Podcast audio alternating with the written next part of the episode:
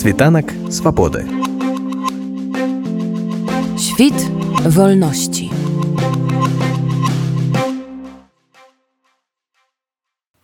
Выстава гэтая ўжо паспела пабываць у шэрагу гарадоў і нават краіна от цяпер чарга дайшла і да беларускага дома ў варшаве. Тым не менш гэтае мерапрыемства працягнула шмат увагі з боку палітыкаў і дыпламатаў таму што тэма надзвычай актуальная і балючая. На адкрыцці выставы ў беларускім доме прысутнічалі прадстаўнікі шэрагу амбасадаў замежных дзяржаваў а таксама беларускіх дэмакратычных сілаў. Тым не менш некаторыя з арганізатараў выставы былі не вельмі задаволеныя тым як сабе некаторыя палітыкі паводзілі ведалі аб чым распавёў сузаснавальнік ассоциации белорусских добраахвотников Андрей Кушняроў про мероприятие это не первая уже выставка которая проходит выставки происходили во Львове в Киеве в Днепре в Запорожье в Вильнюсе и вот сейчас Варшава ну, Францкевич делает достаточно важное для меня дело потому что мы ну мы немного как белорусы говорим о тех людях которые на передовой немного говорим о тех людях которые погибли и ну все еще у нас есть а, определенные проблемы с э, уважением к бойцам, уважением к погибшим со стороны да, политиков, как бы есть э, люди сбежали с награждения.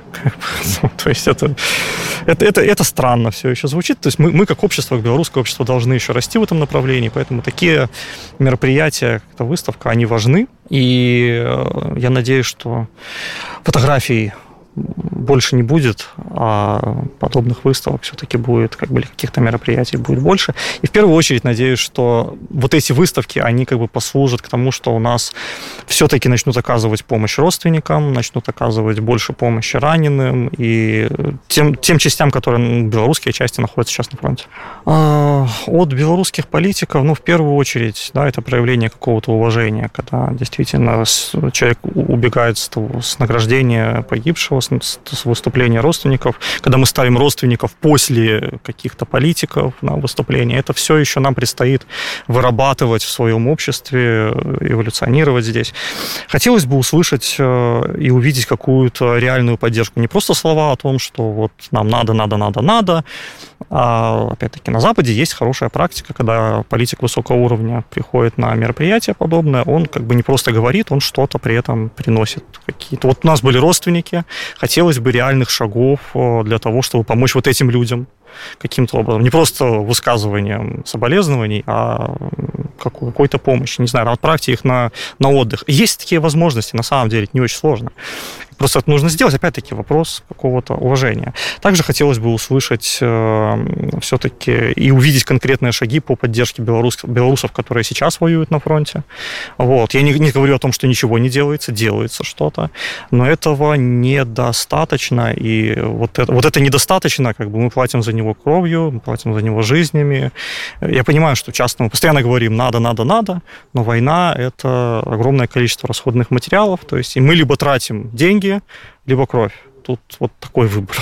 Да яго словаў далучыліся і некаторыя прысутныя на мерапрыемстве беларусы. Вось напрыклад спадарня Галіна, якая таксама з'ехала з Беларусі праз пераслед выказала сваё абурэнне паводзінамі некаторых з прадстаўнікоў нашых дэмсілаў. Дарэчы, тыя праблемы, якія высветліліся падчас мерапрыемства і з'яўляюцца адной з прычынаў правядзення такіх мерапрыемстваў. Марына Лобова это моя сяброўка сын я ведала ее сына с дзяцінства таму пришла я мне не безразлично все это потому что я сама приехала сюда не просто так взяла захотела и приехала сюда жить нет распадзіце калі ласка вось якія ўражанні пакінула гэтая выстава і ўсё што адбывалася вось прамовы выступы людзей прысутнасць замежных дыпламатаў так. Так, я хотела попросить там слово в конце сказать это. Якое у меня впечатление?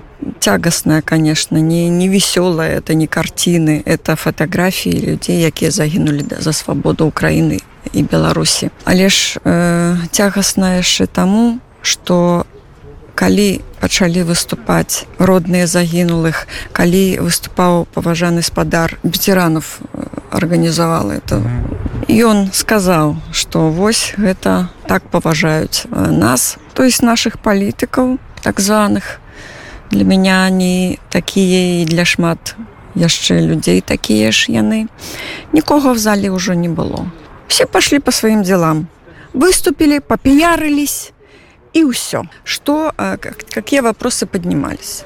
Ну вот какие там вопросы поднимались. И ще хотела сказать э, на конт Азарова.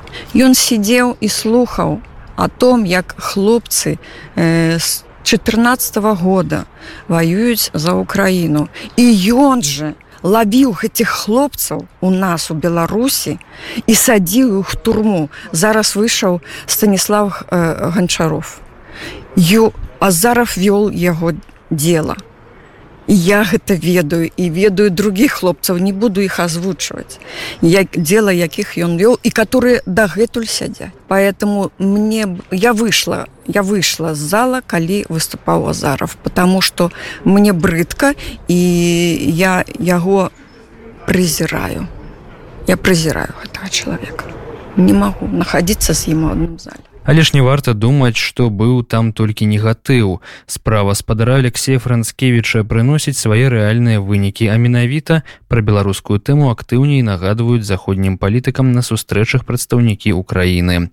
Кіраўнік камітэта Вярхоўнай рады ўкраіны па пытаннях гуманітарнай ды інфармацыйнай палітыкі, кіраўнік дэлегацыі Вярхоўнай рады ў АБСЕ і па сумяшчальніцтве віцэ-прэзідэнт парламенцкай асамблеі АБСЕ Макіта Патураяў распавёў аб тым, як яго дэлегацыя пра працуе і з тэмай беларусі що стосується міжнародного рівня то безперечно постійно в документах от зокрема в ОБСЄ там де я головую в українській делегації згадуються питання репресій режиму так званого президента Лукашенка проти власного народу тортур інших знущань. Але наразі до цього на жаль додалася дуже велика стурбованість. І це знаєте без лапок. Ну це це справді турбує ну всіх моїх колег з якими я спілкуюсь в ОБСЄ, власне, значить, переміщення якоїсь кількості незрозумілої поки що терористів з так званої, значить, компанії, а це терористична організація. Ми визнали її терористичною організацією рішенням, е, значить, от цієї ванкуверської зустрічі літньої ОБСЄ.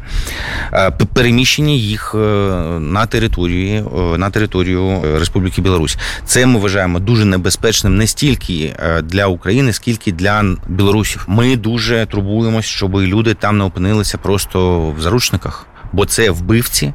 Це, значить, ми знаємо, що це значить, е, люди, яких звільняли з тюрем. Ми знаємо, як вони поводяться, не поводились по відношенню до власної армії російської, і які злочини вони можуть почати творити на території е, Білорусі з громадянами Білорусі. Ну не хочеться навіть собі цього уявляти.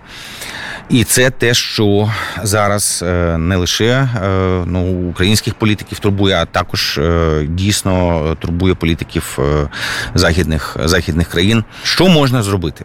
Я вважаю, що підтримка е, білоруської опозиції, е, білоруських політичних е, вигнанців має бути системно продовжена з боку наших європейських і не лише європейських, так в широкому сенсі західних партнерів. Безперечно, Україна підтримує ті.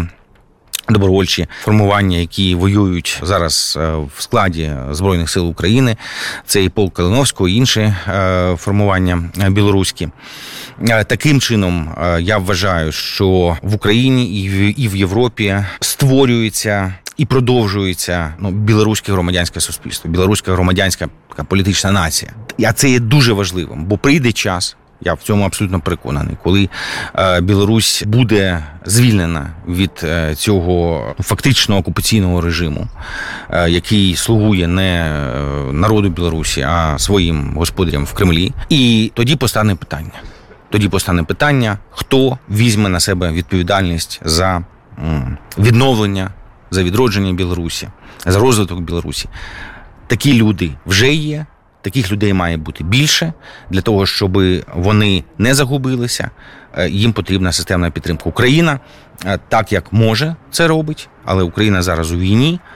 Е, наші вояки воюють пліч-опліч з білоруськими братами. Що ж до питань скажімо, підтримки політичної опозиції. Я вважаю, що це відповідальність наших західних друзів і сусідів.